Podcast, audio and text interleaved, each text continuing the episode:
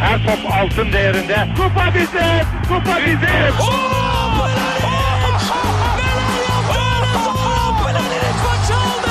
Dengeli de attı. İsabetine buldu. Magna Fontervi. Zora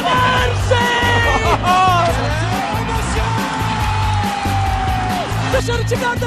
Geldi, geldi, geldi.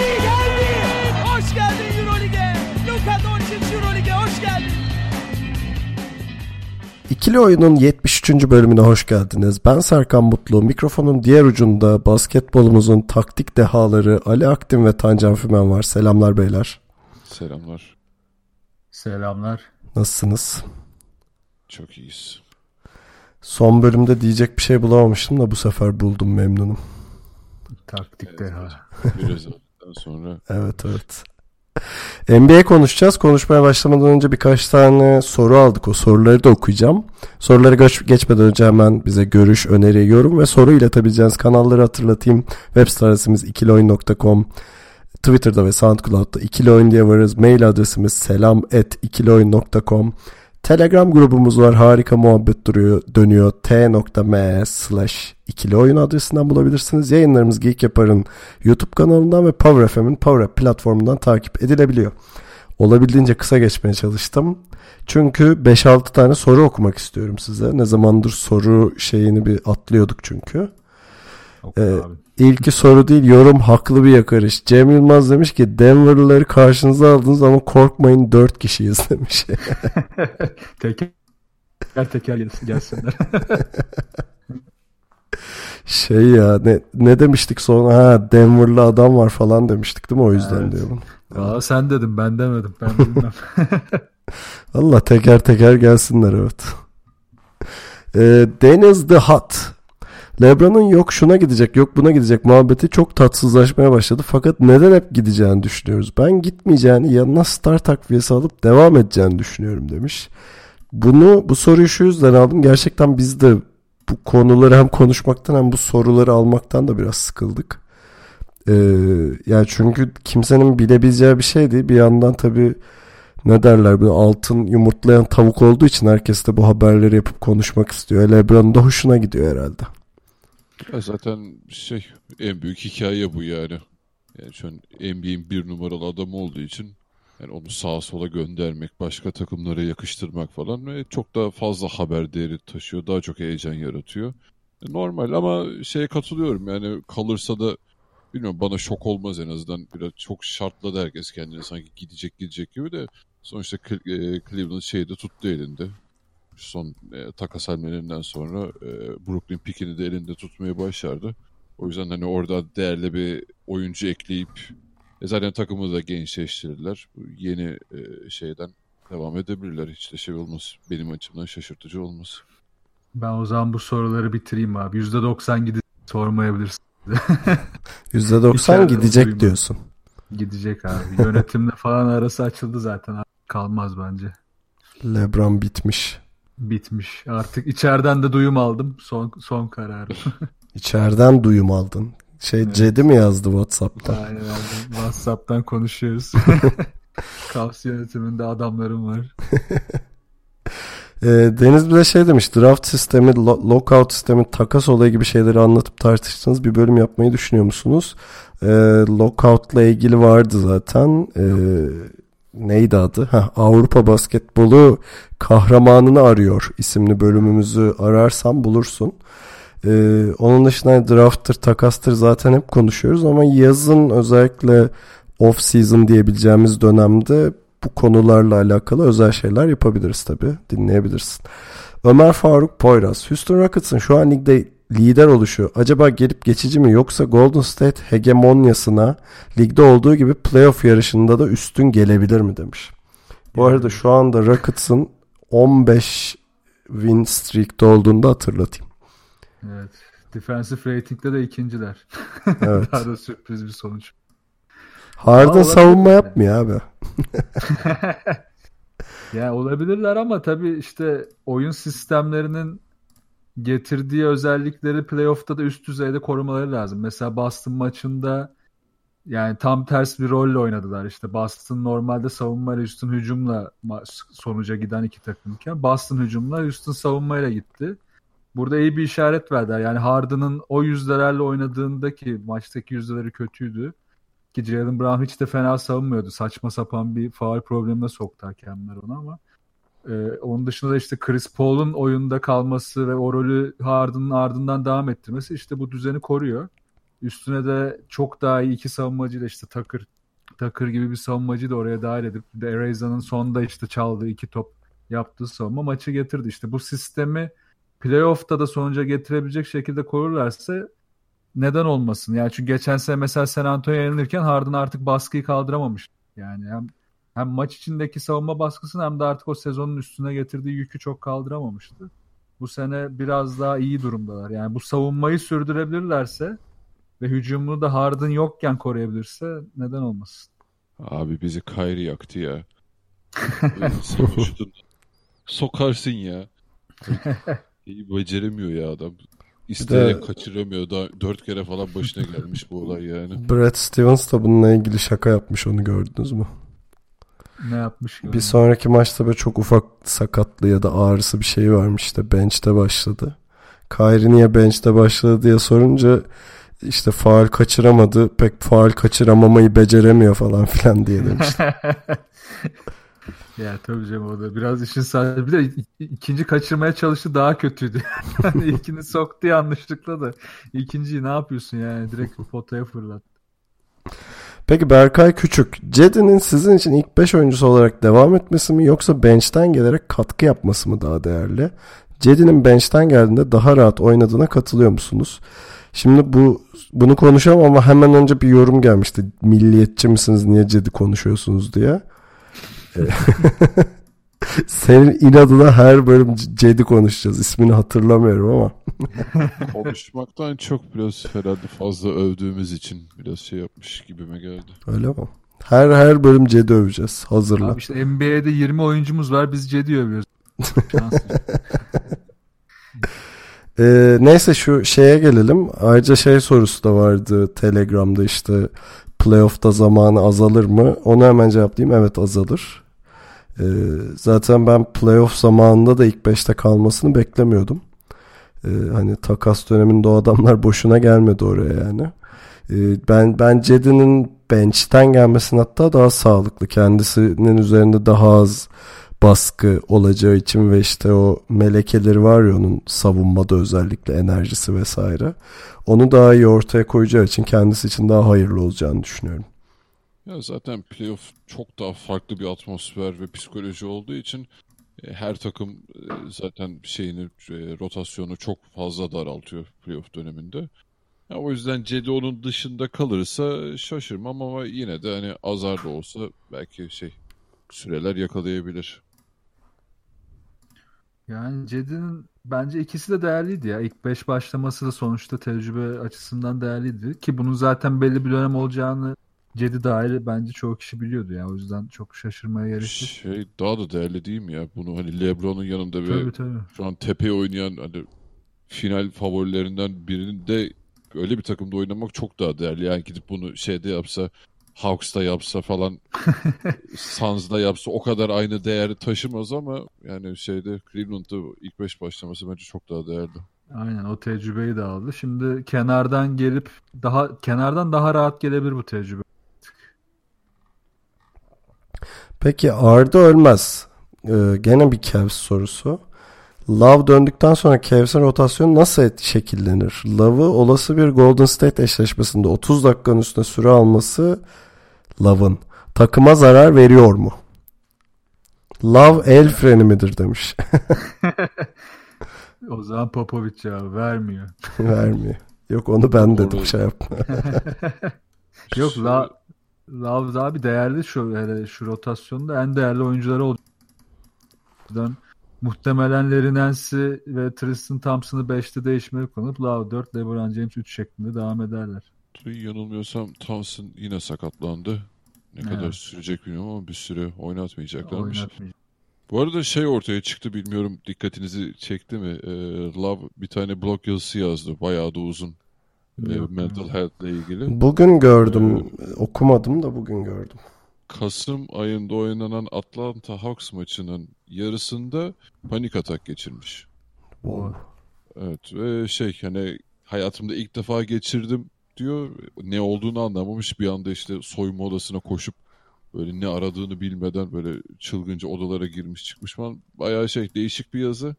Ee, hatta şeyden çok e, etkilendiğini söylüyor işte bu Demar DeRozan'ın hani psikolojik sorunlarla evet. ilgili Hı hı. bir şeyi vardı yazısı vardı. Ondan çok etkilenip işte hani 29 yaşıma geldim. Daha önce hiç böyle şeyleri hayatımın odak noktasına koymamıştım. Ee, yani kendime itiraf etmekle zorlanırken bunu çıkıp herkese anlatmak hiç kolay olmadı falan gibi şeyler söylüyor. Ya onun da tabii bizim bilmediğimiz e, şeyleri varmış. İşte ailesiyle bir dönem problemler yaşamış işte kendi özel hayatıyla ilgili. Hani O da e, kardeşinlerle beraberdi hala beraber. O da sıkıntı. Kevin Love da mı o boka düştü? Yok yok Thompson'ı diyorum. Ha ha tamamsın. Ha. Bak korktum bir an bak Kevin Love'dan hiç beklemezdim. Yok. Ee, işte şeyi merak ediyorum açıkçası hani bu süreçten e, Love çünkü terapiye falan da başlamış işte e- evde olan maçlarda yani Ke- Cleveland'da olan maçlarda sürekli işte terapiye falan gidiyormuş. Ha, pardon bu dakika. Blok yazısını yazan Lav mı? Evet evet kendi Ha, Lavlar. pardon. Yeni yazdı Zaten- ya. Bugün çıktı o. Evet, Thompson evet, diye evet. girdin de ben oradan Lav'a geç. Ha, Pardon. pardon ben de şey yapmışım. tamam. Ben e, Thompson'ın sakatlığından bahsettikten Aha, sonra işte bu tamam, Kevin tamam. Love'ın bu şey akıl sağlığı ile ilgili yazdığı bir yazı vardı. Neyse yani herkese şey Türkçe çevrilir mi bilmiyorum ama bayağı da uzun şey değişik bir yazı. Ya Zaten Lav'ın şöyle pardon abi herhalde NBA'in e, şeyi hani hem ücretler bu seviyede olup hem rekabet bu düzeyde olduğunda bu adamların üstteki yük çok artıyor ya. Hani ileride bu DeMar DeRozan, Love gibi mental sorunlar hatta belki de Kawhi'nin da bununla alakalı bir sorunu vardır. E, bu gibi şeyler artabilir yani. Herhalde bu ne bileyim psikolojik destekler, başka türlü koçluklar falan gibi şeyler hayatımıza girecektir diye tahmin ediyorum. şeyleri var zaten. Yani o yaşam koçlarıyla falan yakın çalıştırıyorlar. Hani istemeseler de çalıştırıyorlar sanırım. Ki şart yani baksana Love'ın o yani Cavaliers'ın kazandığı finaldeki o baskıyı devamlı üstüne gidildi adam. O bütün sezonun sonu Kevin Love'la uğraştı herkes. E üstüne de işte bu hale gelmesi çok da şaşırtıcı değil. Yani biz mesela Fultz'u konuşuyoruz işte şutu ne oldu, niye böyle oldu. Yani düşünsene o çocuğun yaşadığı neredeyse öldüreceklerdi artık saha içinde. Sonra Philadelphia'ya da yüklenildi ama yani o baskıyı kaldırmak tabii uzaktan biz çok algılayamıyor olabiliriz de yani. Çok acayip bir şey var orada. Evet. Tabii yani bu maçları izlerken falan hep biz bir işte süperstar figürü görüyoruz sahada işte vursun parçalasın falan ama tabii Tabii. o heriflerin tabii iç dünyasında da neler dönüyor onu Çok göz ardı ediyoruz. Yani herhalde Demar DeRozan orada bir kapı açtı bence. İşte Love da oradan girdi. Yani bundan sonra belki bu tarz şeyler daha çok karşımıza çıkabilir. Var. Zor abi oyuncuların işi çok zor. Ki Kör'ün açıklaması da vardı ya şeyde. Son şampiyonluktan sonra Jordan bitik durumdaydı diye. Kafa olarak yani. İşte o yüzden LeBron James'in işte mental gücü falan diye boşuna demiyoruz yani. Burada kalmak üst üste bu kadar final yapıp da şey yapmak hani beyin olarak düşmemek falan çok zor ya. Evet haklısın. Peki bir de Alpay Başkan'ın sorusu var. Wade'in şu anki form durumu hakkında ne düşünüyorsunuz diye sormuş. Biz de zaten konuşmak istiyorduk herhalde Wade'i. Ee, şey maçına baktınız mı Sixers maçına? Yok ben izlemedim onu. Ee, şey son 17 sayının 15'ini attı. Evet, evet. Şey game winner sayısı da dahil olmak üzere. Ben Ee, maçı izledim ya. Güzel maçtı bu arada. Şeyler e, ne o? Miami Heat forumları coşmuş durumda zaten. Dedi deyip duruyorlar şeye. E, ama gerçekten de Heat'i konuşurken şey diyorduk ya, ya sonuçta tamam evrenin en iyi oyuncusuna sahipler Goran Dragic. Ama e, şey daha böyle e, nasıl diyelim yani sonuçta All Star'ları yoktu. Sonradan Go- Goran Dragic oldu bir yandan ama hani bu kadar tepeye oynayan bir takımın o kadar da yıldız bir ismi, etiket bir ismi yoktu. Belki de Dwayne Wade gelirken de bunu söylemiştik. Eğer hani ben bu takımın yıldızıyım, sahibiyim diye gelirse olmaz ama hani Cavaliers'ta kabul ettiği role yakın ama gene de takımda o tamamlayıcı rolü olursa iyi olur diyorduk. Herhalde ona daha yakın bir şey izliyoruz şu anda. Bu da Heat'e yaramış gibi görünüyor. İlk başta bir sendelediler bu arada. Ama en azından beraber oynamaya da şeyle Wade'le paylaşmayı daha iyi bir çözdüler gibi geliyor bana izledikçe. Ya bence senin söylediğine ek olarak e, ya daha da üst bir pozisyonda. Çünkü Miami Heat'te bir sembol oyuncu Wade. Ve onun zaten psikolojik rahatlığını hemen hissetti. E zaten buradan ayrılırken de isteyerek ayrılmamıştı. E Cleveland'daki hem rolünü yatsıdı hem o ortam çok toksik olduğu için kimseye yaramadı. E şimdi olmak istediği yerde, sevildiği yerde e, bu zaten şey e, hemen işte daha 9-10 maç yaptı. Anında yansıdı. Yani evet ilk 4 maçı bu arada evet bir, üçünü kaybettiler. Onlar da biraz daha zor maçlardı ama. Ya orada çünkü o ilk dediğim... geldiğinde şeyde evet. Dragic'in de şeyleri düşmüştü. Sayıları Aynen. düşmüştü yani. Bir orada nasıl ne yapacağız falan bir çözemediler de sonrası evet daha iyi. Yani evet, rakipler zayıf gözükse de e, kazandıkları maçlarda genel olarak takıma uyumu ve daha nerede topu kullanacağına karar vermesi, ihtiyacın ona ne zaman geldiğini anlaması falan daha iyi oldu. Ki buna da ihtiyacı vardı. Sonuçta hani Dwayne Wade belli bir alanda belli bir sürede kullanırsa hala çok etki olabilecek bir oyuncu. Umarım bundan sonra da böyle sürdürür bu oyunu.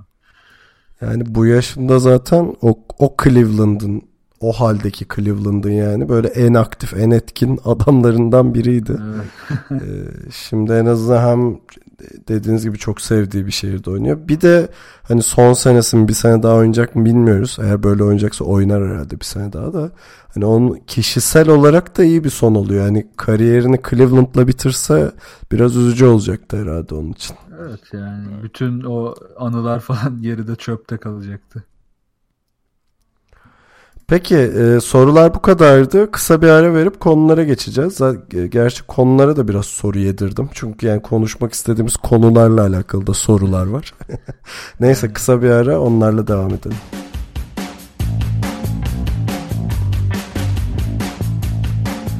Evet geldik konularımıza. İlk konumuz e, Wizards'ı konuşmak istiyorduk. Yani e, Walls'uz Wizards'ı konuşmak istiyor, istiyorduk.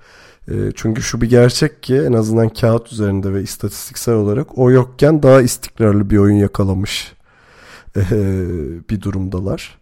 E, bu arada Paşa Öztürk'ün de bununla alakalı bir sorusu var. Washington GM olsanız Wall'dan vazgeçer misiniz diye coşkulu bir soru da sormuş. yani franchise oyuncundan vazgeçeceğim. Yani bence çok uç bir soru olmuş. Ama gene de e, şu şeyi konuşalım yani. Wall el freni midir arkadaşlar? Wall el freni bilmiyorum da yanlış e, kullanıldığı ve yanlış bir takımda olduğu belli bence artık. Yani Wall'u doğru bir yapının içine almak lazım. Ya bu takımda ya başka bir yerde. Yani mesela Wall'la erken hücumu yapacak bir yapısı olmadığını bu takımın özellikle Wall'suzken çok iyi gördük. Çünkü özellikle hücumlarda süreyi daha fazla kullanıp topu daha fazla herkese değdirmeye çalışıp özellikle Sataranski'nin liderliğinde e, hücum etmeye çalışıyor ve herkesin asist sayısı arttı. Yani Wall'suz e, Wizards normalden daha fazla asist yapıyor. Yani yaklaşık 9 asisti galiba ortalaması şu an net sayı aklıma değil ama e, yani 9 asist eksiye düşüyorsun ve ondan daha fazla yaklaşık 3.5-4 civarı bir asist daha fazla yapıyorlar. Ve baktığında hani Beal işte Otto Porter zaten Satoranski'nin arttı. Hepsinde bireysel asist ortalamaları sayı ortalama hepsi artmış durumda. Ve genelde oyunculara da bakınca bu durumdan çok memnunlar. Yani ee, ya şu Everybody Eats konusu var işte Beal'ın. Aynen. Sonra Wall'un ona cevap vermesi olayı var. Ee, hem öyle hem de işte o şeyde e, ya pivotun adını unuttum Gortat. Ya. Ha, Gorta da Gorta da aynı şeyi söyledi. Yani oyun böyle bizi daha içine katıyor. Daha çok zevk alıyoruz. Bunu fark ettik falan dedi. Ya Wall'un burada karar vermesi gereken şey şu. Yani iyileştikten sonra bu sisteme dahil olacak mı? Yoksa yine o hız kendi hızıyla da takımı hızlandırıp daha fazla top kaybı yapıp işte mesela savunmaya geçiş savunmasına daha mı çok mahkum edecek Washington'ı? Çünkü mesela en son e, hangi maçlarıydı? E, Golden State maçını izledim. Yani Golden State maçında mesela o iz, yani Wall oynasa ve izin verse devamlı bu hızlı hücumlara Golden State'i geçiş savunmasında durdurmaları imkansız olurdu. Ki zaten durduramıyorlar. Normalde de durdurmak zor bir takım. İyice rezil olurlardı. Ki daha sonraki maçlarında da bunları gördük. Kazandıkları maçlarda da savunma sistemleri de oturmuş durumda bu yüzden. Çünkü Wall ne yapıyor abi? Çok hızlı yarı sahaya geçip çembere bir an önce gidip bitirmeye ya da hemen böyle hızlı bir pasla oyunu fazla dönmeden sonlandırmaya çalışıyor. Bu yaramıyor Washington'a. Yani artık bu çok belli. Ha, Wall buna belki işte Kyle Lowry'nin yaptığı gibi uyacak mı? Ya da işte mesela o da Toronto'da bir örnek. Lowry mesela şey demiş sezon başında işte ben top top bu kadar elimde değilken oynamaya alışamadım bir türlü diye. Sonunda alıştı. Wall da bu yola girecek mi? Eğer girmeyecekse o zaman işte ne olacağı daha büyük bir soru. Bilmiyorum ona da artık e, yönetim karar verecek herhalde. Abi ben bu durumu biraz şey benzetiyorum. Yani tabii ki de birebir e, aynısı diyemeyiz ama yani Oklahoma City sendromuna benzetiyorum ben Westbrook yüzünden kaynaklanan özellikle özellikle yani ben sezon... pek benzetemiyorum açıkçası ya o biraz ayrı bir durum bence. Ee, e, şundan diyorum şimdi e, şey tabii takımın başında da Scott Brooks gibi bir adam olduğu için e, o John Wall şeyine e, adaptasyonda bir sıkıntı yaşıyor takım. Bu zaten bu işte John Wall'un yokluğunda onu görüyoruz. E, işte dediğin gibi takım daha çok asist yapıyor. Satoranski ile çok daha uyumlu oynuyorlar falan. E, yani oyun sistemi açısından değil ama ben şu açıdan benzetiyorum. E, o işte uyum sürecinde bir şey yaşamıştı. Aksaklık yaşamıştı Oklahoma. E, yeni transferlerle beraber. E, John Wall'un da işte e, bu sistem içerisinde dediğim gibi o hızına yetişememesi takımın uyumu yakalayamamaları. E bir de üzerine işte John Wall'un işte karakteri yüzünden e, işte kolay anlaşılamayan bir adam olması yüzünden işte Bradley Beal'ın, Gorton'un falan açıklamaları da biraz ona benziyor. Tamam Oklahoma'da bunlar yok ama Washington'da böyle bir sıkıntı. Ha genel evet adaptasyon olarak diyorsan evet oradan mantıklı yani ki Brooks da aslında Donovan gibi yani biraz böyle çok kafa yani çok iyi koç değil ama kafası rahat olunca normalden daha iyi performans veren koçlar. Hani biraz da oyuncu ona yaklaşmalı. Wall yokken Brooks da rahatlamış belli ki. Belki orada şuna ikna edebilir. Yani Wall'u belki yani tabii Wall'un da buna ikna olması lazım. Topu tutan değil de topu atan konumuna geçmesi lazım. Yani Beal'ın konumuna geçmesi lazım biraz daha. O da nasıl olacak? Belki Beal'la süreleri paylaşacaklar. Buna ikisi de ikna olacak. Ya da daha farklı düzenlere girilecek. Çünkü forvetten ya da uzundan da top yönlendirecek bir adamları yok. Yani orada Satoranski'nin faydası çok bambaşka. Bilmiyorum orası biraz Brooks, Brooks için yine yani iyileştiğinde John Wall bayağı bir kabus nedeni olacak. Ben bunun e, Scott Brooks'a yazan bir şey olduğunu düşünüyorum bu arada. Yani Scott Brooks e, şey bir şey bir adam ya biraz. Oyuncularla hep iyi olan bir adam ama ben özellikle ofansif olarak e, nasıl diyeyim? Ofansif strateji olarak yetersiz bulduğum bir koç yani. Ve senin takımının franchise oyuncusu ve herhalde herkes hemfikirdir ki top elindeyken deliciliği NBA'deki en tehlikeli olan oyunculardan biri sonuçta John Wall. Sen bunu kontrol edemiyorsan yani John Wall'dan da tek başına bekleyemezsin ha bu kararları alması. Ben topla daha az oynayayım ya da işte takımın atıcısı ben olayım da bir yıl topa döndürsün ya da başka bir şey gibi kararları onun vermesini bekleyemezsin yani. Ee, hani Yok zaten o vermeyecek abi. Scott Brooks bunu şö- söyleyecek. O da ikna olacak. İşte ben Scott... ikna olmaz yani. ya o ayrı ama ben zaten Scott Brooks'un bunu söyleyecek tıynette bir koç olduğunu düşünmüyorum. Öyle değil. İşte onu işte zaten ondan dedim. Onu söyleyemeyecekse de yönetim ona göre bir karar alacak. Bu oyundan evet. memnunsa yönetim belki Brooks'u da Wall'u da yollayacak. Ben olsam yaparım mesela. Çok mantıklı geliyor şu an düşününce. bir anda hızlı düşününce. Aynen. Çok çok şu an bir düşündüm. Çok mantıklı geldi. ya ben şöyle düşünüyorum. Yani ne alacaksın ki Wall'u verip? Hani Wall sonuçta e, bu, bu, bu takımın hani şey yıldızı, franchise oyuncusu denen adam. Asıl önemli olan Wall'un yanına koyacağın parçalar ve bir stratejiyle en tepeye oynamak olmalı. Hani Wall'suz bir Wizard şu anda evet iyi oynuyor, daha iyi oynuyor gibi görünüyor ama sonuçta orta üst seviye bir takım olarak kalır ve hani ne bileyim bu bana hedefsizlikle aynı gibi, gibi geliyor yani. Bilmiyorum bence Wall'u ki şu şu kontratıyla yani 200 milyon civarı olması lazım. 210 mu öyle bir şeydi. Bu kontratıyla zaten hani yerlere vermeleri çok zor. Yani Evet. ama bunu bunu verip takıma iyi bir uzun iyi bir uzun ve iki tane parça forvet en azından topu yönlendirebilecek bir adam bulsalar bence hiç kötü olmaz. Ben Ya de çünkü işte bak, onun yerine Vol'u tutup takıma iyi bir uzun katabilecekleri bir sistemin daha iyi olacağını düşünüyorum işte. Tabii ki dahil ama Vol bu sisteme dahil olmayı. Çünkü Vol en eski kafalı adamlardan biri Evet, kaldı öyle. point guard konusunda. Yani bilmiyorum Vol buna ikna olsa keşke. Ben olsam hani mesela Durant'i ben o yüzden de takdir ediyorum. Hani evet arasında indirim yapması tamam bir mallık olabilir. Bunu bir kenara koyuyorum ama adamın oynamak istediği bir oyun vardı. Yani bunu takımla yapmak istiyordu. Onu yapabileceği en iyi takıma gitti. Ve takımla uyumu da çok yüksek olduğu için başarılı. Eğer, eğer Vol oraya gitse yine uyumsuz olur. Anlatabildim mi derdim. Yani Vol'un karar vermesi lazım. En azından mental olarak bir şeylere.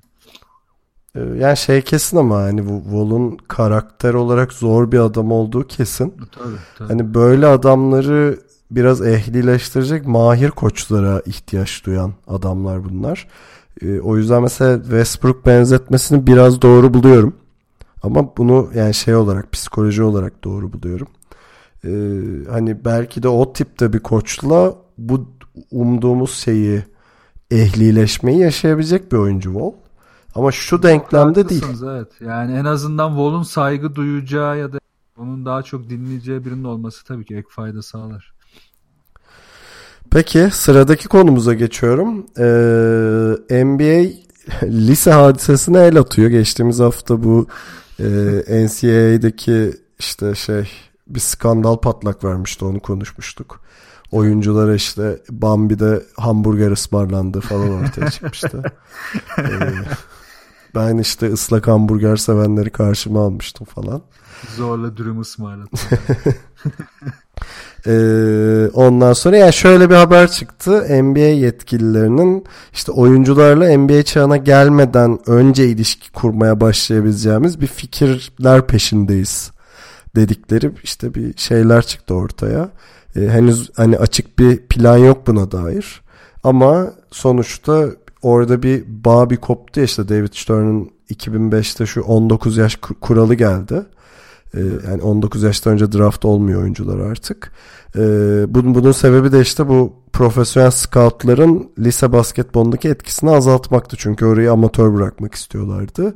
Ama bu sefer de işte NCAA'de böyle paralar döndüğü falan ortaya çıktı. Onun üzerine G League geldi. İşte G League'de 18 yaşında itibaren oynayabiliyorsun. Ama oradaki bağ da çok net değil falan. Belli ki oradaki bağı netleştirip e, liselerle NBA'in arasındaki o şeyi köprüyü daha rahat kurmak istiyorlar. Tabii bu G League'in de kendi problemleri var işte. G League'deki maksimum kontrat 26 bin dolar. evet ya. Onun evet yani onun yerine git Avrupa'da Çin'de 1 milyon dolara oynarsın yani. Yaşın gelince dönersin geri. Ee, ama buna dair bir düzenleme olacağı belli ki konuşuluyor şu anda NBA'de ne diyorsunuz diye sorayım. Ya aslında geçen hafta konuştuğumuz o konudan e, girebiliriz. Yani işte bu oyuncular sonuçta fakir bölgelerden, yani çoğu diyeyim hani hepsi değil tabii de fakir bölgelerden, fakir ailelerden ya da daha sorunlu ailelerden geliyorlar. Ve para onlar için bir noktada işte bu oyundan çok zevk alıyorum işte inanılmaz işte bu adapte olduğum her şeyimi vereceğim falandan öte hani para kazanmam lazım. E, yeteneğim de var ben bir an önce çok para kazanmalıyıma geliyor çoğu oyuncu için. Öyle olunca da şimdi e, üniversiteler NCAA ligi yani şey gibi oldu işte bir sene ben bir şekilde uğrayayım. O arada da işte menajerler bana hediye alsın, para versin. Önüme bir sürü şey yığsın. Ben hem oradan da kazanayım hem de sonra NBA'ye giderim e, falan geldi. Bu Orası arada iyi- şey keseceğim hemen. NCAA işte başkanı da şey demiş hani kolej liginin böyle NBA'den önceki bir senelik bu durak olması olarak hani öyle görülmesinden de rahatsızız demiş zaten. Yani onlar için de kötü çünkü orada şey de çok yani eskiden bu sistemin ana işleyen amacı neydi? Her oyuncunun ya da oyuncu olamayacak ama yine de yeteneği olan ama NBA şansını denemek isteyenlerin hem iyi bir eğitim alması hem de bu şansını denemesiydi. Ama bundan çok koptular yani artık Ee, özellikle e, biraz da altı kazınınca işte işin içine Obama bile girdi. Oranın ne kadar işte yıprandığını LeBron James de girdi.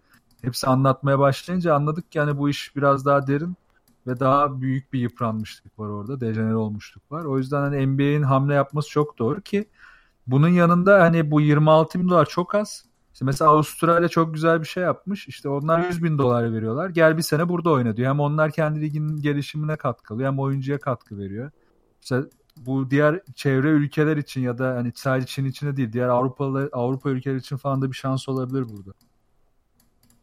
Bir de ben, bence şey açısından da çok önemli. Ee, yani hem NBA'in bu konudaki yaklaşımını ben seviyorum açıkçası. Yani iletişime ve diyaloğa çok açık şekilde gidiyor. Mesela hemen Steve Kerr de orada topa girdi.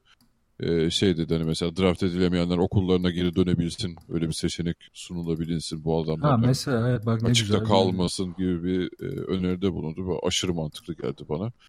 E, dediğiniz gibi zaten o G Lig'e hani bir şey e, maaş düzenlemesi zaten getirileceğini biliyoruz. Orada çok daha yüksek kontratlar dönecek. Bu sefer de Ee, tabii o da şeyi e, hani Avrupa basketbolunun iyice zorlayacak bir şey olabilir. Hani Ha, e, zaten şey olabiliyor gerçi şu anda bu çift taraflı sözleşmeyle e, artırabiliyorsun verdiğin parayı. Tam hatırlamıyorum oradaki tavanı ama 26 binin çok üstünde yani. Ama her G Lig oyuncusuna böyle bir e, bütçe ayrılırsa bu sefer Avrupa'da basketbolcu kalmayabilir yani. Evet onun dengesi önemli. Ee, bir an bir de şey vardı yanlış hatırlamıyorsam hani bu high school işte lise öğrencilerini böyle direkt NBA geçişini sağlayan draft harici bir yapıda bir köprü de Evet. orada kurmaya çalışılıyor sanırım. Ee, yani LeBron şey istiyor orada. Ee, tabii LeBron NBA'in muhtarı olduğu için. Ee, işte- yani işte G League lise mezunlarına açılsın diyor. Ee, hani belli ki NBA'in de böyle bir planı var zaten.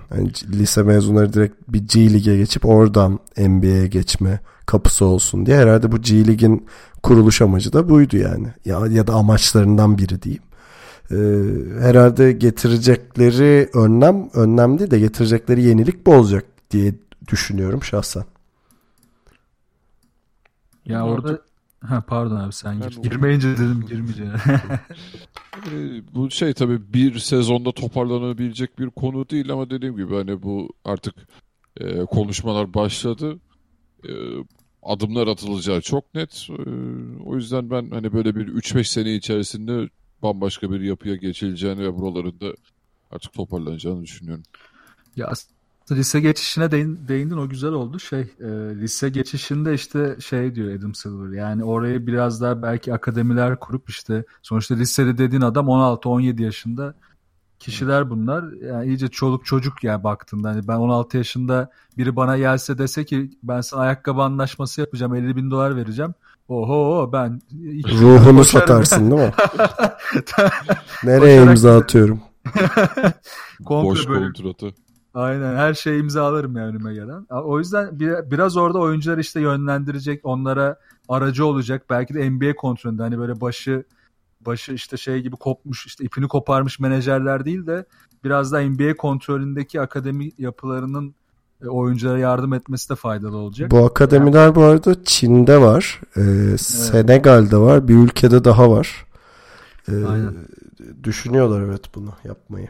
Aynen ve güzel olur yani hani oyuncuların ne yapacağını bilmez haldeyken böyle bir şeye başvurması, danış, danışmanlık alması, yapacağı anlaşmalarda yön göstermesi falan çok önemli. Böylece yani liseden o geç çünkü şu da var yani adam liseden belki geçecek kendini ikna edecek bunu ama yani belki de olmayacak. Hani bu sefer NCAA, NCAA de geri dönemeyecek. E, oyuncu da olamayacak. O yüzden de League çok önemli bir rol oluyor. zaten bu sorun- çok önemli. Bu sorun çok yaşandıya geçmişti. Hani böyle Tabii. lisede yıldız olup da NBA'de çok iş yapacak diye gelip bir de işte şey örneklerini görüp LeBron'dı ne bileyim Kobe'ydi. gibi örnekte Kobe'yi görüp Aa ben de öyle olacağım gazına gelip sonra boyunun ölçüsünü alıp yiten çok örnek var. Ee, hani tehlikeli. bunu engellemek için zaten bu 19 yaş kuralıydı, başka kurallar getirdiler ama bu sefer de işin ayarı kaçtı gibi. Bu sefer e, bir baktık halının altına şey süpürülmüş. Cerahat süpürülmüş yani. Peki e, sıradaki konuya geçelim ekleyeceğiniz bir şey yoksa. Daha da eğlenceli bir konu çünkü. Yardır. Evet. E, Çağatay Pehlivan da bununla alakalı sormuştu ama zaten konuşacaktık. E, tanking işte. Oo, evet. ben sevdiğimiz. E, hani geçtiğimiz hafta da birazcık bahsetmiştik işte e, Küba'nın ceza alması dolayısıyla bundan.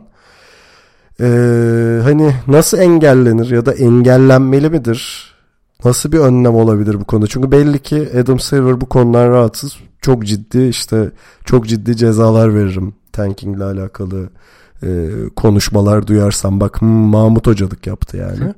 e, ki Kübün'a da bayağı 600 bin dolar verdiler. Çok ciddi ceza verdiler yani. E, ama şu anda baktığında yani şu puan durumuna bir bak. Kimler tanking yapar hemen sayarsın. Hani böyle bir şey de var. Ee, geçen gün Orkan Orkun Çolakoğlu tweet atmıştı öyle ya. İki takım da kaybetmeyi çok istiyor falan diye. Harbiden öyle. Evet.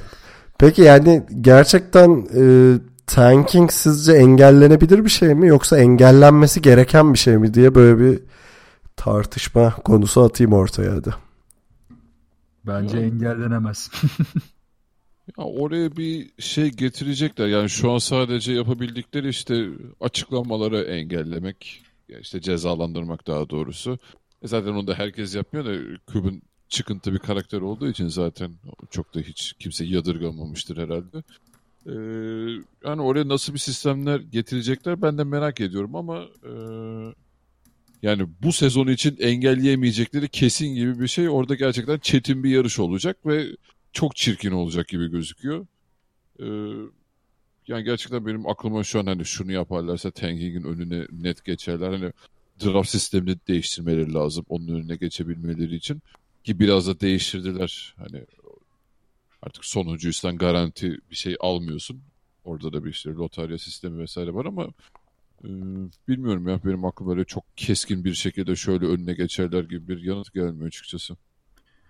Bence geçemezler abi. Yani böyle yani draft sistemi aynı şekilde devam ettiği sürece hani buna ufak müdahaleler olur. Bu sezon başında yaptıkları gibi işte şeylerin ağırlıklarını azaltarak işte şansların ağırlıklarını azaltarak yapılabilir ama top, toplamda geçmeleri çok zor. Ben burada zaten suçu biraz şeye atacağım. Mesela Dallas üzerinden bu konuya cevap vermek istiyorum. Yani mesela tanking yapacaksın değil mi? Kafanda bu var. Bunu da çaktırmadan yapman lazım. E sen gidiyorsun Harrison Barnes'a kontrat veriyorsun. Üstüne Nerlens Noel'i getirip oynatmıyorsun. Üstüne işte e, sezon başında yine böyle devamlı kasan neredeyse bütün maçlarda iyi savunma yapan işte Rick Carlisle'ın da kastığı ve hani kaybettiği maçları bile az sayılarla fark eden bir takım kuruyorsun. E, üstüne sakatlıktan çıkmış işte bir, birkaç sene önce Wesley Matthews'a eski haline dönmeyeceğini bile bile kontrat veriyorsun. Sonra da çıkıp açık açık ben tanking yapacağım deyip ceza alıyorsun. Böyle bir saçmalığı düşününce böyle tanking yapılmaz zaten. Yani tanking yapacaksan en baştan Tanking'in de bir sanatı vardır, bir şeyi Aynen. vardır ya. yani tanking yap, yapılır, en, engellenemez. Hak, tanking hakkımızdır, söke söke alırız gibi oldu ama. Ya yapacaksan ne bileyim Atlanta Hawks gibi yap. Yani draft şey takas et yıldızını ne bileyim yolla daha gençlere Serbest bırak. Serbest bırak. Ne bileyim yani hani bu mantıkla bu iş olmaz. Yani Phoenix Suns da mesela aynı örnek. Yani o da gidip kontrat verebilirdi saçma sapan. Kimseye vermedi. Grizzlies zaten ne yaptığı belli değil. Yani koçunu kovdu. Mark Gasol 33 yaşına yani o da bir hamle yapmadı. Yani hamle yapmaya ya tanking yapacaksan hamle yapmaman lazım. Özetle konu bu. Ama sen hem hamle yapıyorsun hem iyi bir koçum var. Hem de işte yıldız oyuncu çıkıp diyor ki ben tanking yapmam diyor. Hem de sen diyorsun ki ben tanking yapacağım. O iş öyle olmaz. Yani tanking öyle bir şey değil.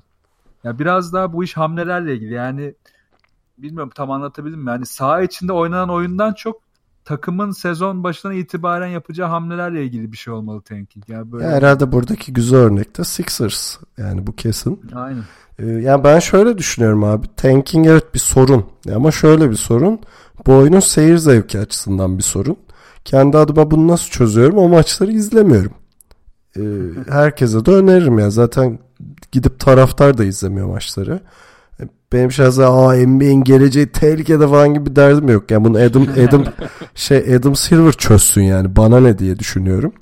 Ama spor açısından baktığımda bu olaya tanking kadar normal bir şey olamaz yani. Hani ben e, alt sıraları oynayan orta alt seviye bir takımın yöneticisi olsam ben de tanking yaparım yani. Ki yapman gerekiyor. Çünkü abi biraz da spor yapmanın ruhu budur ya. Sporun ruhu hani dipten gelip tepeye oynayıp bir hikaye yaratmaktır ya. Niye Sixers'ı bu kadar çok seviyoruz? Çünkü yani tanking yapmadığında bu sefer ortalama bir takım olarak kalıyorsun. Ee, bu sefer şey riski başlıyor. e, hani bu NBA'deki hanedanların uzama riski başlıyor. Hanedanlıkların. E, onun yerine ben şeyi tercih ederim. Yani 4-5 sene bir takımın acı çekip ama bu acıyı şey Kings gibi ne bok yediği belli olmayacağı şekilde değil yani. Hani Kings'in önümüzdeki bilmem kaç yılı ipotek altında o kesin. Ama Sixers gibi planlı, programlı buna isim bir de isim vererek bir de kulp takarak yani proseste bilmem neydi diye yapmak bana sportif açıdan hiçbir sorunu olan bir şey olmadığını düşünüyorum yani ben bunu. İşte dediğin doğru bu yönetimin yapacağı ve bir strateji olarak yapılması gerekmiş yani. Zaten bunu bir kural içinde yapamadığın için bu evet. bir karar alıp dediğin gibi yapı yani bunu belki de işte proses gibi bir isme sokup bir şeyle stratejiyle falan yürütmek lazım. Ha burada mesela şeyin önerisi vardı bir birkaç hafta önce bir Simmons'ındı galiba. Ee, işte 14 takım playoff'a kalsın. Sezon içindeki maç sayısı da düşsün. Atıyorum 60'a düşsün, 62'ye düşsün.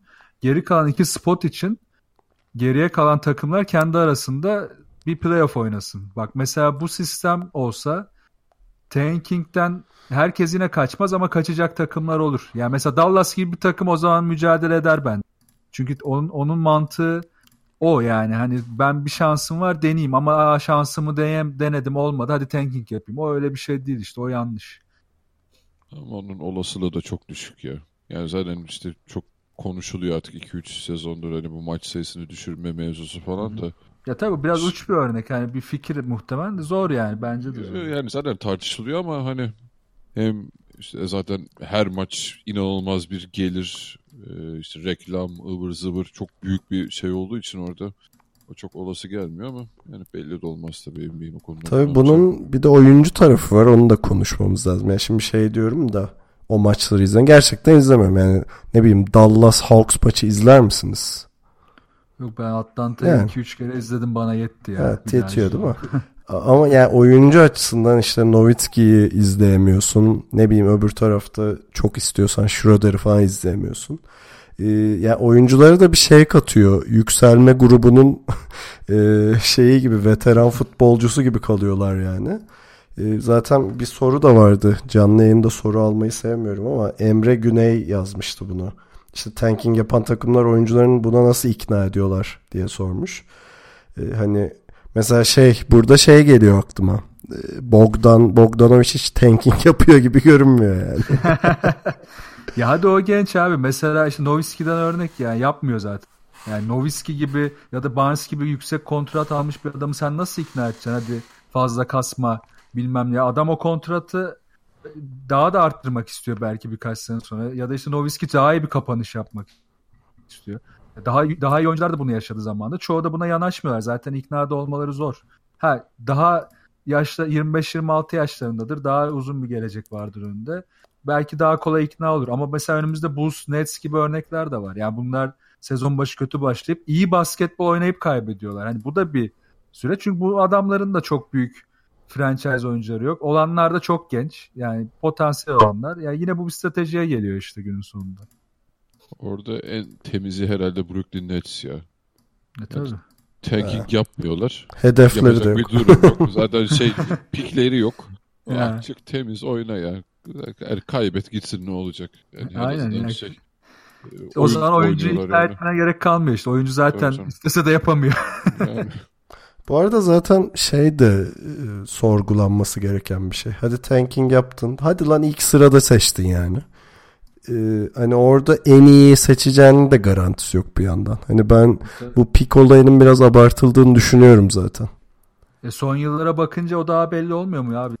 Son sıralardan demeyeyim tabii de ortalardan ikinci turdan işte Golden State'in beli alması, daha önceki örnekler birçok işte Kuz, şeyin e, Kuzma'nın gelmesi ha, falan bu birçok örnek var yani bunları bulabilmek biraz da senin scoutunun bütün sezon yaptığın analizlerin e, ekmeği. Yani sen bu ekmeği bulamıyorsan zaten sen birinci seçsen ne olur seçmesen yine gidip bir kazmayı alabilirsin yani. Divaç'ı seslendi sanırım. Diva, Divaç'ı seslendi. Divaç hayranlarını karşımıza aldık diyeceğim de yoktur herhalde rahatız. Valla Doncic'i alabilir ha şaka maka Sacramento biliyor? Peki kısa bir ara daha verelim. Ee, bu sefer bir sorum daha olacak. Çaylaklar neden şut atamıyor sorusu var. Ee, onu bir konuşuruz. Bir de programımızın vazgeçilmezi NBA magazinimiz olacak. Mesela J.R. Smith ve çorba olayını falan konuşacağız. o yüzden hiçbir yere ayrılmayın diyorum.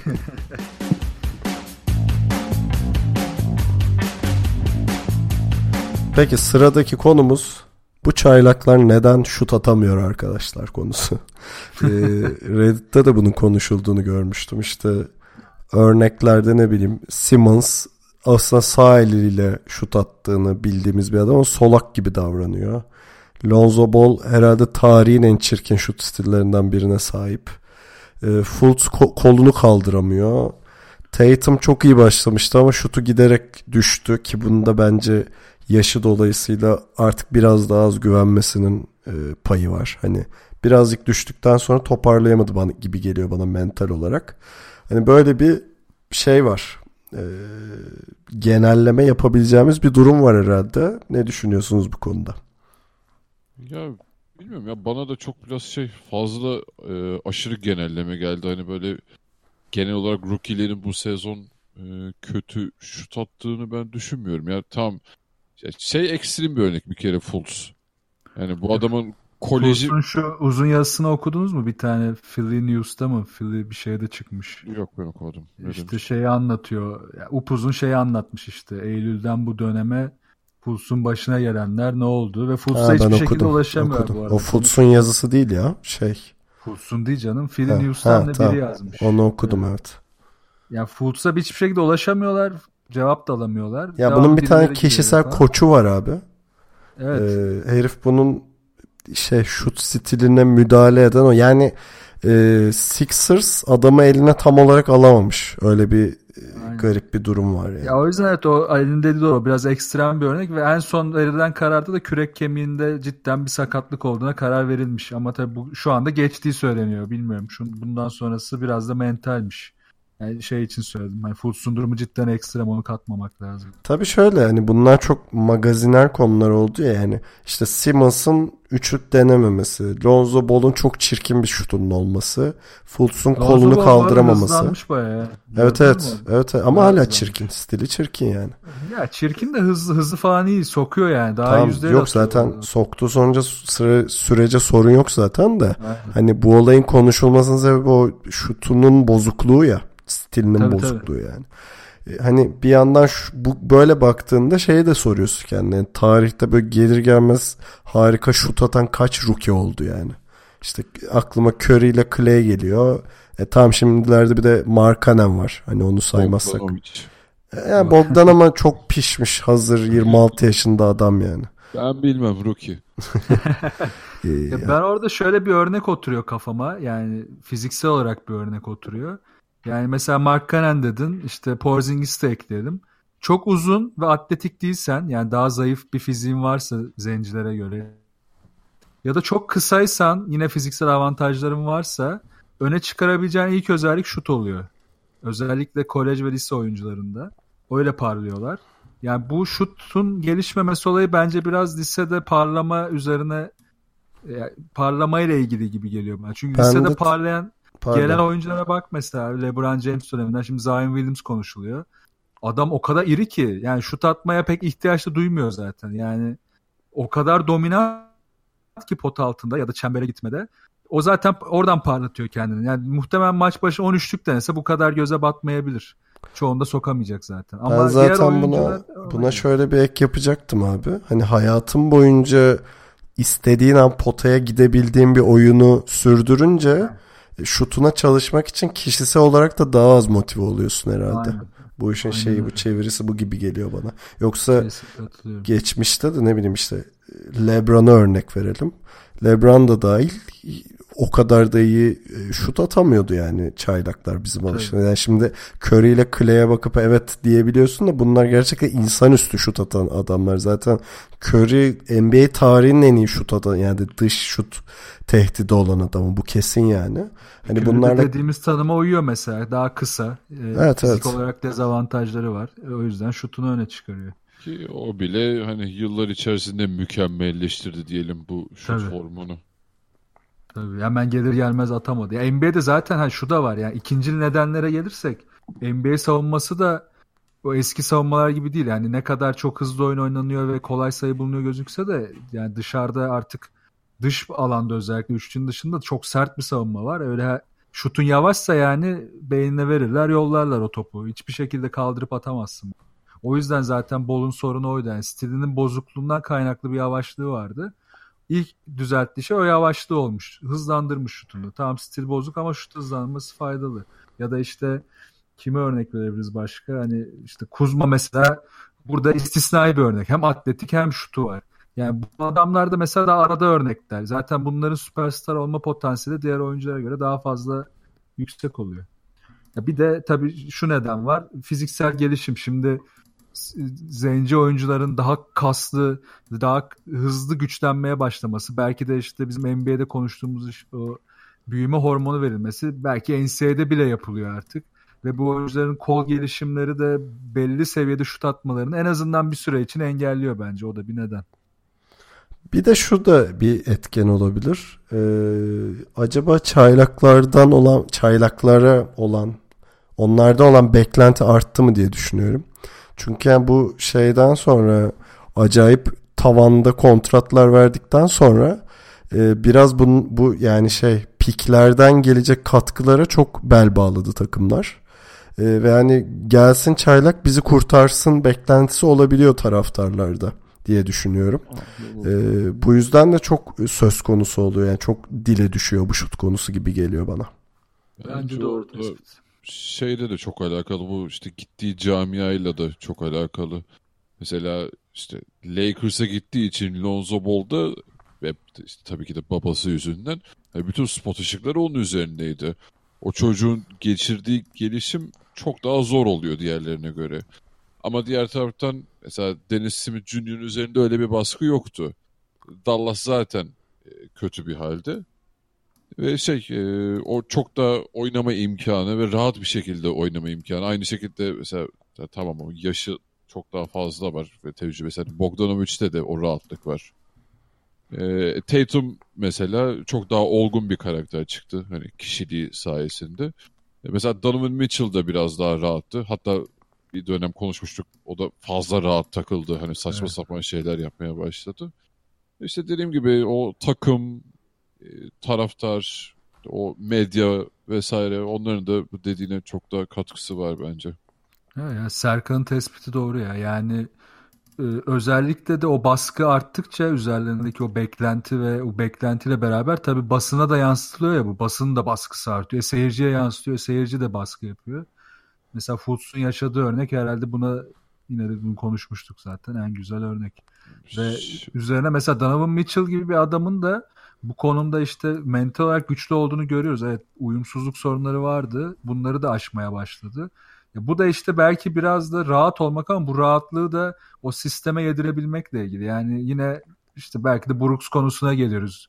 Yani koçun sana orada ne kadar etki edebiliyor. Yani genelde bu tip oyuncuların sorun yaşayan oyuncuların da koçlarının çok muazzam ya da çok üst düzey olmadığı örnek çok fazla. Peki ee, buna ekleyecek bir şeyimiz yoksa çok beklenen magazin köşemize geçebilirim. Ver müziği Tancan. Track track track. track track track track. Ee, yani J.R. Smith'le başlamazsam olmaz yani. Geçtiğimiz hafta NBA... Oğlum o çorbayı bulamayanlar var. Açlar aç insan aç. Çorbayı atıyorsun adamın kafasına. NBA haşarı çocuğu J.R. Smith. E, Cavaliers'ın asistan koçu e, Damon Jones'a çorba fırlattığı için bir maç ceza aldı. Ve herhalde tarihe geçen bir şey oldu ne diyorsunuz? Valla çok hikaye duyduk. Tabii daha kötüleri silah çekenler, bıçak çekenler falan ama çorba ilginç. Sıcak mıydı acaba çok onu merak ediyorum. Beğenmemiş olabilir mi diye düşünüyorum. o da olabilir. Ben çorbamda soğan istemiyorum demedim mi lan falan diye fırlatmış herifin kafayı.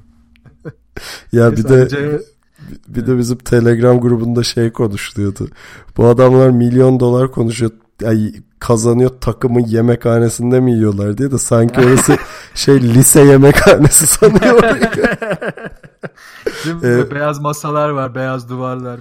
Ben bunu Şirketiyorlar nerede izlemiştim hatırlamıyorum. YouTube'da herhalde Golden State'in e, yani şey e, salonunun yemeklerini yapan aşçıyla alakalı belgeselimsi bir şey izlemiştim. Ha Evet. izlemiştim ben onu evet. Acayip bir organizasyon yani. Hani o öyle bir şeyse oyunculara verilen yemeği düşünemiyorum. İçiniz rahat olsun yani. Tabii canım, o çorbayı pişiren adam kesin Michelin starlı falandır yani. Değil mi? en azından iyi bir eğitim almıştır kesin yani. Neyse Ali Ceyar'ı çok sever. Bu çorba olayı onu etkilemiştir diye düşünüyorum. Yok abi Serkan yorumlasın hayranı olanı daha yakından takip ediyor. Çok Evet, seviyorum abi. Bir derdiniz mi var? Gelin konuşalım. aç aç insanlar aç. Ayıp ettin Ceyar. Çorba severleri karşına aldın. İkinci konuya geçeyim o zaman. Ee, Nowitzki'nin 31 bininci sayısı geldi bu arada. Ama asıl böyle güzel olan tarafı klasik fade away şutuyla atmasıydı bence. Abi 30 bin de öyle atmıştı ya. Evet öyle atıyor. Yani 31 binin 29 binini öyle attı herhalde. Kenardan işaret ediyorlar abi vakti geldi diye. Yapıştırıyor. Ya onun çok güzel bir gifi vardır. Yani videosu da artık ben gif olarak görmüştüm. İşte e, sırtı dönük oynuyor savunmacısıyla. Böyle bir topu birkaç kere yere vuruyor. Sonra birisiyle göz göze gelip gülerek e, fade ve şut sokuyor ama tam şey anı gibi. Dur ya ben Nowitzki'yim bunları atıyorum zaten deyip attığı bir şutu var yani. Tam jeneriklik. Oğlum zaten Nowitzki airball atıyorsa bir sorun vardır ya. Tabii ki. Pota alçaktır. Pota alçaktır, yamuktur, faal vardır. Kesin bir şey vardır yani. Ee, Tek diyeceği burada şey benim. Yani keşke Dallas hani biraz daha iyi halde olsaydı da hani Nowitzki'nin şu son sezonu herhalde son sezonu olacak. Evet ya. Biraz daha şey hani daha güzel Yoksa izleyebilseydik. falan görseydik değil mi? Ne güzel olurdu. Şu NBA'in yeni istatistikleriyle bir bakmak istiyorum Nowitzki'ye. Çünkü artı eksiye bak bakınca Nowitzki hala çok ciddi katkı veriyor Dallas'a bu Bu yaşında. arada öyle ya son 4-5 maç istatistiği vardı geçen baktım. Sırtladı. Ba- bayağı iyi durumda yani. Yani hani e, bence ama ondan bir sene daha oynamasını beklememek gerekiyor. Çünkü adam hani geri koşarken artık ayaklar yere sürüyor yani görüyorsun Evet, onu. Ee, ama Bir de o fizikle daha zor iş ya. Evet. Ama zaten konuşuyorduk yazın ona özel bir program yapma şeyimiz var eğer basketbolu bırakma kararı alırsa çok sevdiğimiz bir oyuncudur yani. Ee, son konuda Kobe Bryant'ın Oscar'ı. yani e, ne bileyim Stanley Kubrick'in yok Kobe Bryant'ın var buyurun. Böylece LeBron mu Jordan mu tartışmaları bitti herhalde. Tabii bitti artık rafa kalktı yani. Adam alınabilecek her şeyi aldı abi. Ben şeye takıldım ama ya bilmiyorum sizi de bir rahatsız etti mi? Hani bütün şampiyonluklarımdan daha değerliydi işte bu çok farklı bir duyguymuş şeyi. Lan hadi lan oradan diyesim geldi benim yani. Abi herif Yani- şöyle bence o yüz, şu yüzden diyor onu. Bu böyle girdiği ortamın en iyisi olmaya çalışıyor ya. Bu da ilk girdiği bir ortam. Bence o yüzden yani yeniden herif kendini hayatta hissetti bence. Çünkü basketbolu bırakırken eminim ki çok mutsuzdu. Bir de sakatlıkla falan bo- boğuşarak bırakması da onu çok üzmüştü. Şimdi bu yeni ortamda yeniden yıldız olma şansını görünce bence ondan gaza geldi. Ben de şöyle düşünüyorum abi. Şu an hani devam ettirdiğim bir mesleğim var. Vazgeçip ne bileyim ben ya vazgeçip değil de o mesleği bırakıp emekli olup ben beyin cerrahı olacağım deyip bir anda e, ne bileyim bir dünyanın en ünlü beyin cerrahlarından birine verilen bir ödülü alsam ben de derim ki boş ver kariyerimi en iyi an buydu derim.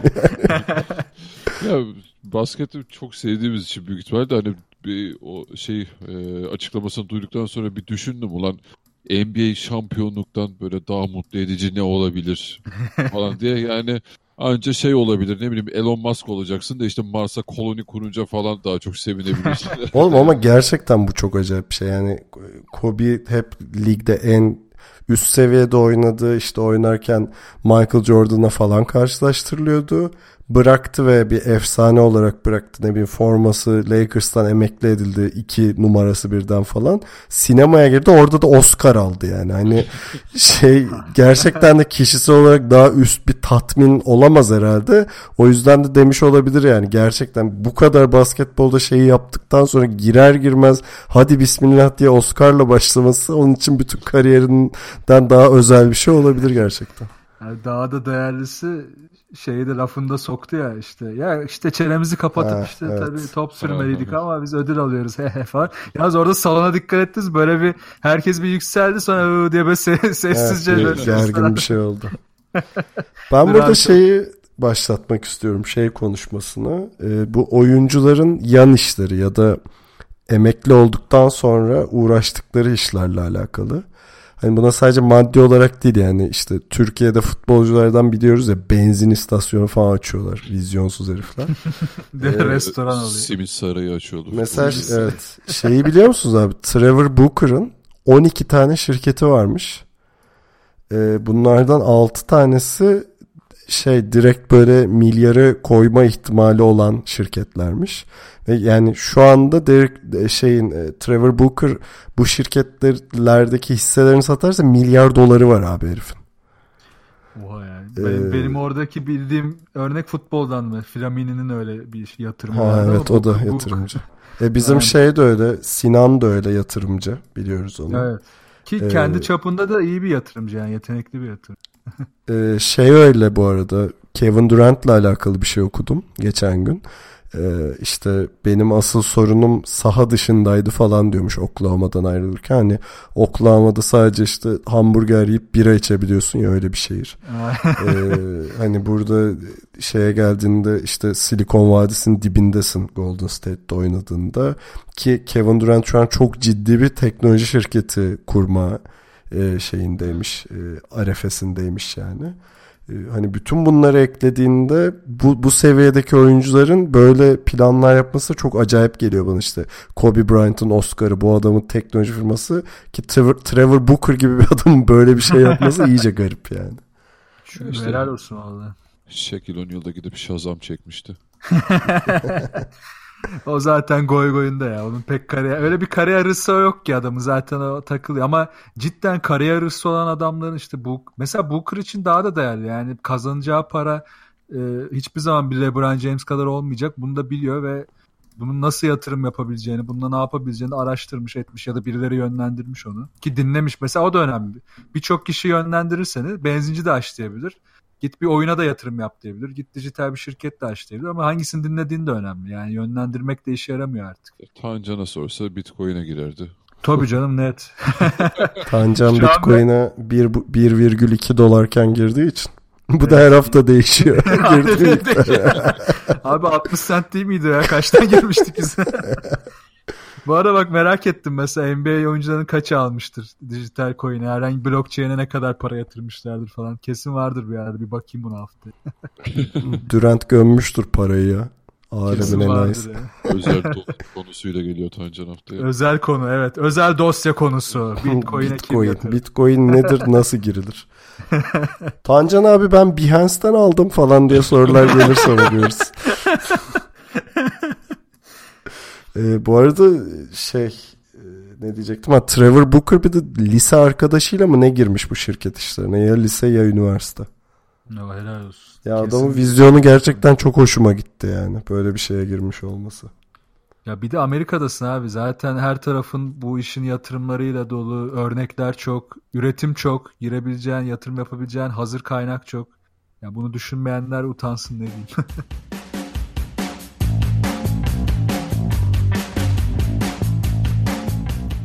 İkili oyunu dinlediğiniz için çok teşekkür ederiz. Haftanın gündemine elimizden geldiğince ışık tuttuk. J.R. Smith'in çorbasından yatırımlarınıza yön vermeye kadar her konuda yardımcı olduk diye düşünüyorum. Ee, bize görüş, öneri, yorum ve soru iletebileceğiniz kanallarımızı hatırlatayım. Web site adresimiz ikiloyun.com, mail adresimiz selam.ikiloyun.com, Telegram'da t.me slash ikili oyun adresinden bulabileceğiniz güzel bir grubumuz var. Orada muhabbete bekleriz. Twitter'da ve SoundCloud'da takip etmek isterseniz ikili oyun yazın. Geliyoruz. Yayınlarımız Geek Yapar'ın YouTube kanalından ve Power FM'in Power Up platformundan takip edilebiliyor. Arada sırada unuttuğum bir çağrımı tekrarlamak istiyorum. Bizden haberi olmayan bir akrabanız, bir dayı oğlu, bir amcaoğlu, hala kızı falan varsa ya da bir arkadaşınız bizden bahsederseniz çok seviniriz. Önümüzdeki hafta görüşmek üzere. Kendinize iyi bakın ve hoşçakalın. Hoşçakalın. Hoşçakalın.